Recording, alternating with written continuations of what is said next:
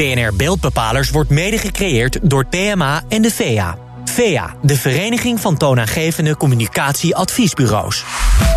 BNR Nieuwsradio. BNR Beeldbepalers. Diana Matroos. Welkom bij BNR Beeldbepalers, het enige radioprogramma waar beeld centraal staat en waar we complexe communicatievraagstukken oplossen. Met dit keer. For the Nike Epic React LA launch event, we wanted to put the game changing sneaker to the test by engineering a running video game of epic proportions played on a custom built treadmill installation, pushing the speed and reflexes of players to the limit. My name is Tang Ping. My name is Galima Bukharbayev. I'm a journalist from Uzbekistan. Hiermee won Media Monks dat digitale vraagstukken in campagnes vertaalt tal van prijzen. 17 jaar geleden begon het avontuur in een kelder. En nu is het bedrijf in handen van de Britse reclamegoeroe Martin Sorel voor maar liefst 300 miljoen euro. Maar hoe gaan zij creativiteit binnen deze dynamiek behouden? Daarover praat ik met mijn gast van vandaag. Jeroen van der Meerhuis, Executive Creative Director en Managing Director bij Media Monks. Van harte welkom. Je begon alweer uh, tien jaar geleden bij dit bedrijf. En nu moet je kijken waar het uh, nu helemaal staat. Wat is het grootste verschil voor jou tussen toen en nu? Het grootste verschil tussen toen en nu. Uh, toen waren we met misschien een mannetje of 75, 100. Dus dat is wel anders op dit moment. Um, digitaal was anders. Je moest heel erg vechten voor je plek. Media was ook niet altijd beschikbaar. Uh, dus het was een beetje een onderschoven kindje. Waar we altijd wel hard voor moesten vechten om uh, onze aandacht, uh, of aandacht op te krijgen van, van de partij waar we mee bewerkten. En nu spelen jullie eigenlijk in de voorhoede. Zou je dat zo kunnen zeggen qua grootste verandering? Ja, we hebben natuurlijk in de loop der jaren een grote change, een shift zien, zien, zien komen. En zowel in budget ook als in creativiteit en de vraag die ernaar is. Ik kan me ook voorstellen, zo'n enorme overname, 300 miljoen, zijn, liggen nu echt onder een vergrootglas. Voel je dat ook op die manier? Nou, vanaf de werkvloer bekeken niet. Ik zie natuurlijk heel veel media om me heen uh, wel oppoppen met de nodige vraagtekens. In alle eerlijkheid, en dat vind ik ook wel fijn, bij ons is het gewoon uh, hard werken en doorgaan. En wat is dan het grootste vraagteken dat je ziet oppoppen? Uh, vraagteken als in? Nou, je zei net, er zijn, ik zie heel veel media waarbij een vraagteken oh, oppopt. Ja. Nou, vraagtekens waar, waar gaat het naartoe? Dus wat zijn precies de ideeën? Wat is de toekomst voor Mediamonks? Daar gaan we het zeker over hebben. Uh, vandaag ook uh, met jou. Maar laten we eerst eventjes voor de luisteraars die nog niet precies weten wat jullie doen, het even wat duidelijk gaan kaderen aan de hand van een aantal voorbeelden. Want jullie werken voor grote Europese bureaus en merken zoals Heineken, Google, Philips, Netflix, Uber. En we hoorden net ook al in het audiootje hoorden we een fragment van Nike, een campagne waar jullie hebben gewerkt. Om het even concreet te maken, wat doet Media Monks in zo'n campagne bijvoorbeeld van Nike? Campagne van Nike hebben wij samen gedaan met uh, Kennedy Portland. En wat wij daarin doen is eigenlijk hun digitale idee verwezenlijken. Dus zij hebben het conceptuele deel opgepakt. En wij hebben het complete digitale deel. Plus ook het fysieke deel. Want we praten hier over het rennen op een treadmill. Dus een, een hardloopapparaat. Uh, hebben wij gebouwd en bewerkstelligd. Dus het is uiteindelijk een idee, een creatief idee van een reclamebureau, als ik het maar even zo makkelijk samenvat. En daar zit een uh, ingewikkelde technologische component aan. En jullie kunnen dat bij elkaar brengen. Die twee werelden. Die twee werelden. En niet te vergeten dat het creatieve idee moet natuurlijk ook overeind blijven gedurende de hele digitale productie. En vooral in digitaal gaat het om de details. Dus je praat over design en animatie. Dus het idee begint niet alleen maar daarbovenaan. Het is iets wat doorgefilterd moet worden en verder doorontwikkeld. En daar helpen wij in. Hoe lastig is dat? Uh, dat ligt heel erg aan je partner natuurlijk. Uh, of je de ruimte krijgt om daadwerkelijk ook dat door te ontwikkelen. Uh, in dit geval is dat heel, heel erg goed verlopen. Um, dus het, het is een beetje geven en nemen. Ja. Wij weten heel veel van digitaal. Sommige partners weten minder van digitaal. Dus wij proberen ook de nieuwste trucjes naar voren te brengen. Dat wordt misschien niet altijd begrepen. Uh, en de andere keer gaat het er makkelijker in. Dus het is echt samen proberen daar het mooiste van te maken wat eruit te halen valt. Dus er is bijvoorbeeld een reclamebureau die met een bedrijf bedenkt: Goh, we willen hier, we hebben een heel gaaf creatief idee. Uh, bijvoorbeeld bij Nike, dat je met sensoren in je schoenen uh, nou eigenlijk een game kan doen met z'n allen, zodat je jezelf ziet rennen. Het is best moeilijk om uit te leggen, deze campagne, ja, heel in het kort. Maar dan hebben mensen een beetje een idee waar het over gaat. En dan zijn jullie in staat om dat grote verhaal uh, samen te brengen eigenlijk met IT en dat tot een succesvolle campagne te maken waar mensen dus echt kunnen inloggen in een campagne. Zeg ik het zo goed? Ja, ik denk dat je het zo goed verwoordt. Gelukkig. Dus, uh, we zitten op dezelfde lijn. En als je dan nu even kijkt naar die uh, overname van die uh, Britse reclamegoeroe. Dat is natuurlijk een man die, nou echt al een traditioneel reclameman met enorm go goede grote naam als het gaat om reclames ja. maken. Gaan jullie dan nog steeds een digitaal productiehuis blijven of gaan jullie meer de reclamekant op? Nee, ik denk, uh, first of all, we gaan een, een, digitaal productiehuis blijven. Daar ligt onze core. Ik weet dat een hoop mensen over het algemeen uh, wel zich afvragen van... wat zijn jullie nou precies en waar gaan jullie heen? Ik ben er zelf altijd van overtuigd dat we onze eigen wiel aan het uitvinden zijn... en dat we waarschijnlijk over tien jaar het een naam hebben kunnen geven... en dat iedereen dan terugkijkt van, oh ja, dat klinkt allemaal heel logisch. En dan zijn we by far ook niet de enige dan. Um, dus zoals we nu gaan, gaan we goed. Maar we hebben natuurlijk wel ideeën over de toekomst. Ja, die toekomst, dat gaan we straks in het tweede deel verder bespreken. Maar als we even kijken naar jullie rol, die blijft dus hetzelfde. Dus jullie blijven echt dat digitale productiehuis. Ja, om precies te zijn, we noemen onszelf een Creative Digital Production Partner.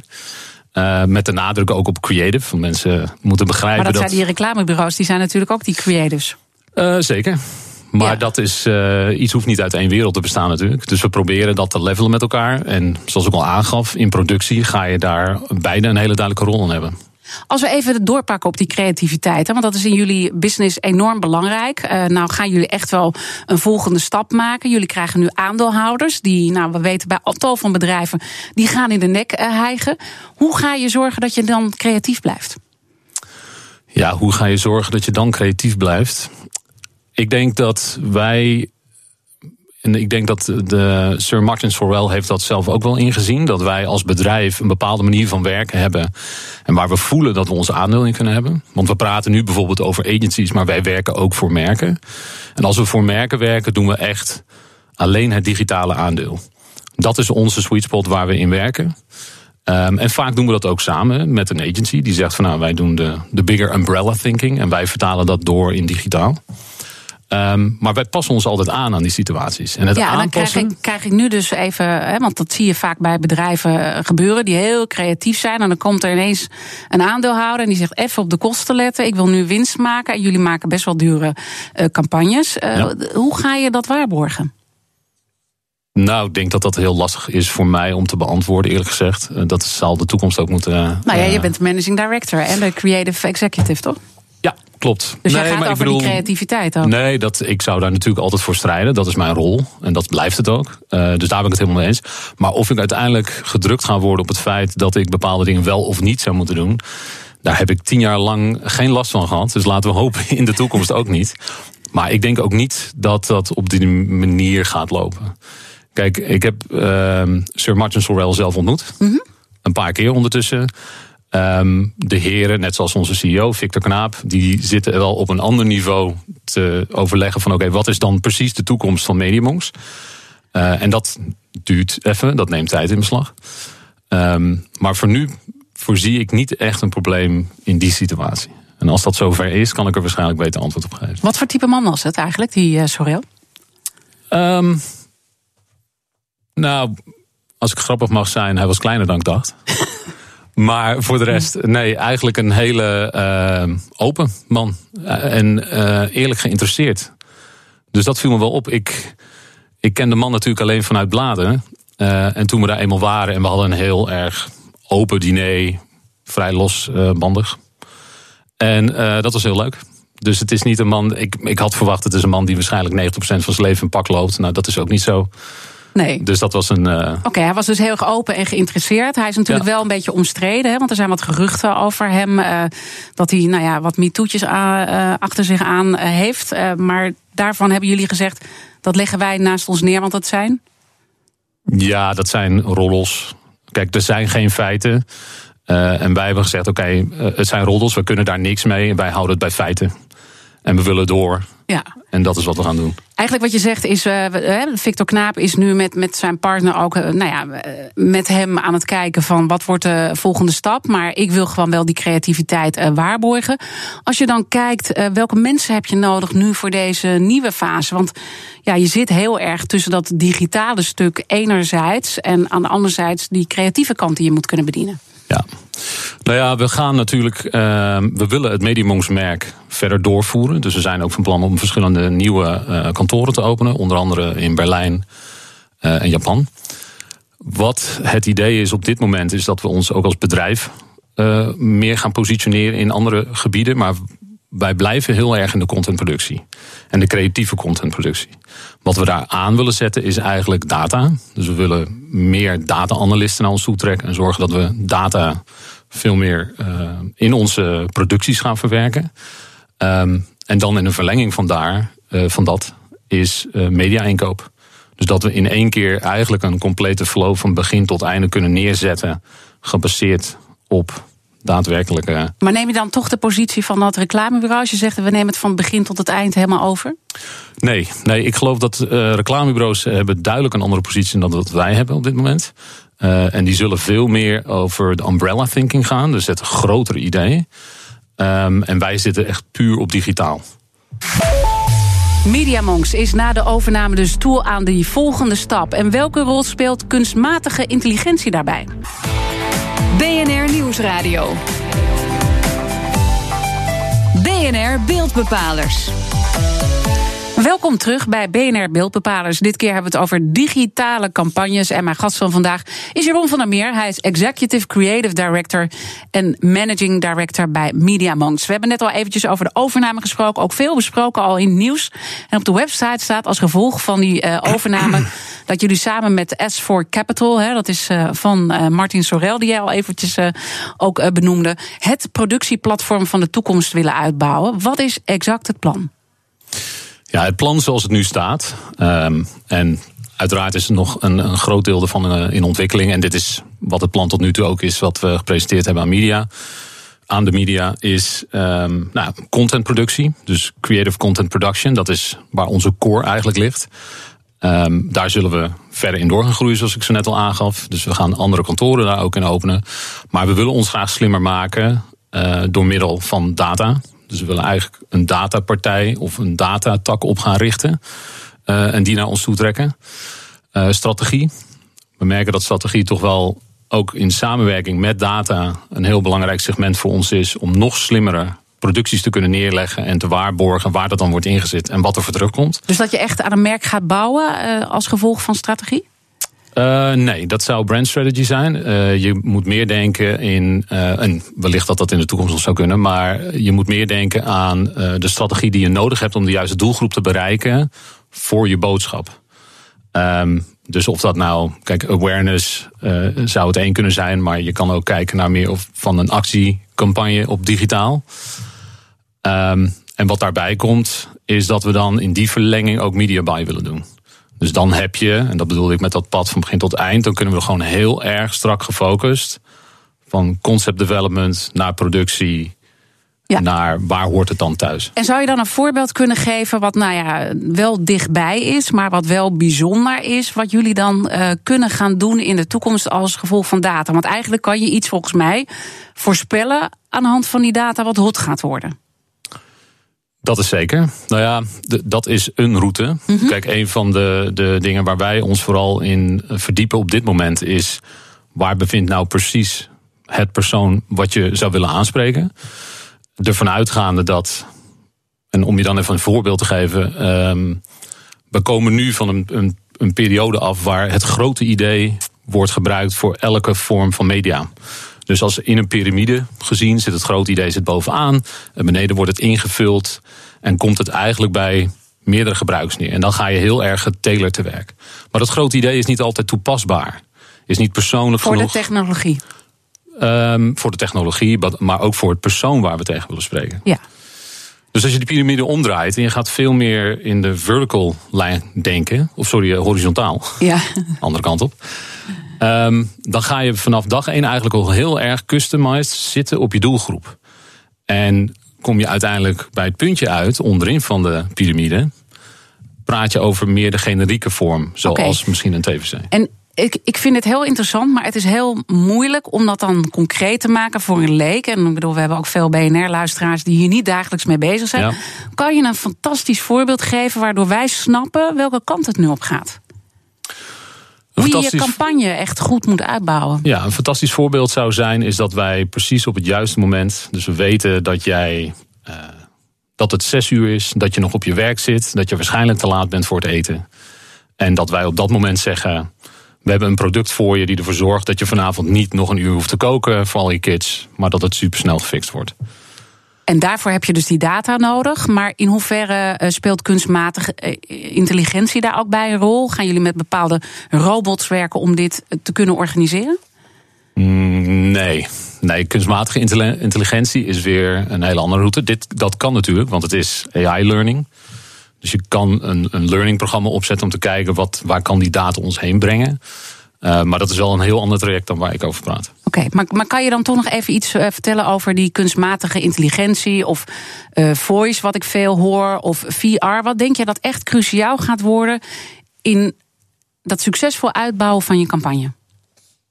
Nou, ik denk wat, wat, wat je nu ziet als een, een trend is dat je AI-bots hebt.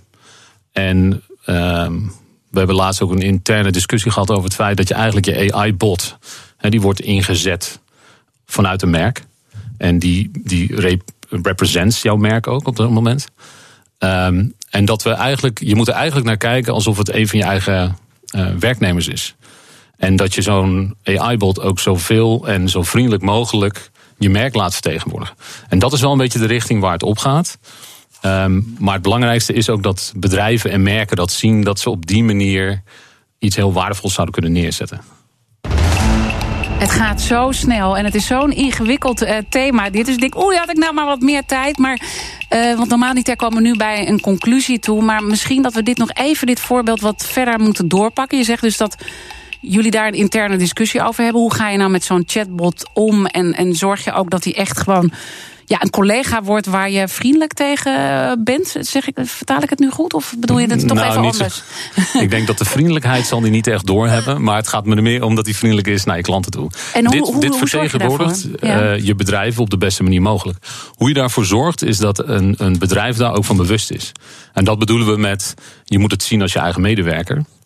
Want daarmee zorg je ervoor dat, um, dat zo'n AI-bot jou op de beste manier presenteert. Maar dan zit ik toch, want je zegt het zit er niet in dat je vriendelijk moet zijn, want dat heeft uh, die uh, robot niet door. Hè? Daar is hij niet op ingesteld om dat allemaal uh, aan te voelen, dat snap ik.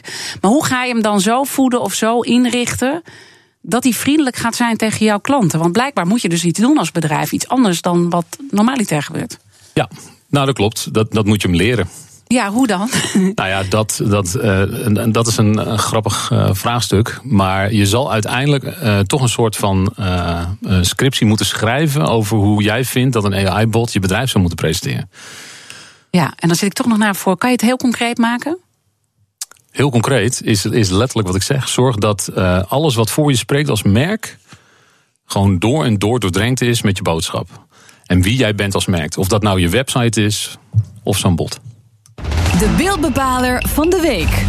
Tijd voor de beeldbepaler van de week. Redacteur Madelief van Haarlem, vertel. De oprichters van Instagram, want zij vertrekken bij Facebook. Zo'n zes jaar geleden kocht Facebook Instagram voor 1 miljard dollar. En sinds die tijd werken de oprichters van Instagram, dat zijn Kevin Systrom en Mike Krieger, die werken voor Facebook.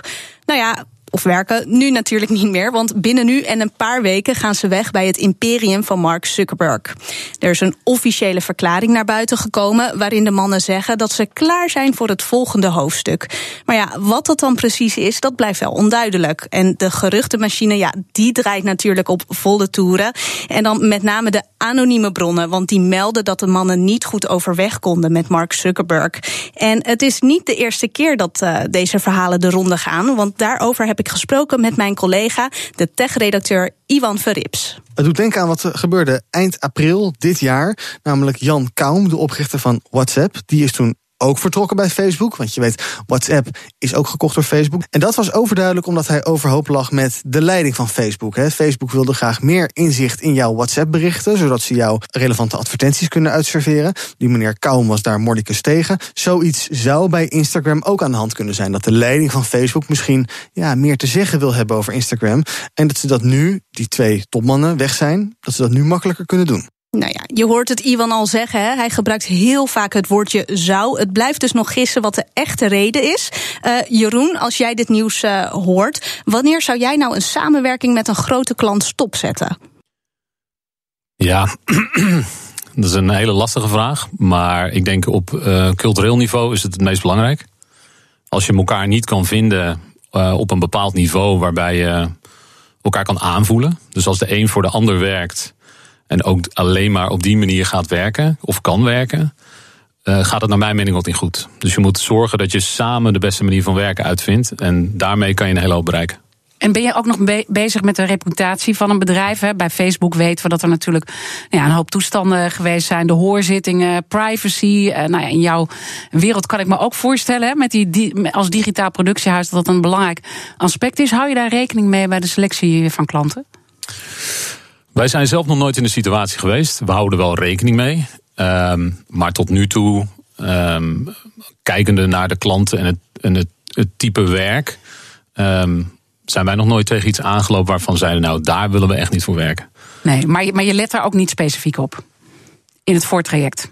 Nee, het is, eh, nou ja, specifiek is misschien een iets te groot woord. Uh, we zullen er zeker wel op letten, maar het is niet een, uh, een hot item. Ik uh, wil jullie hartelijk danken. Natuurlijk uh, redacteur Madelief van Haarlem. En mijn gast van vandaag, Jeroen van der Meer.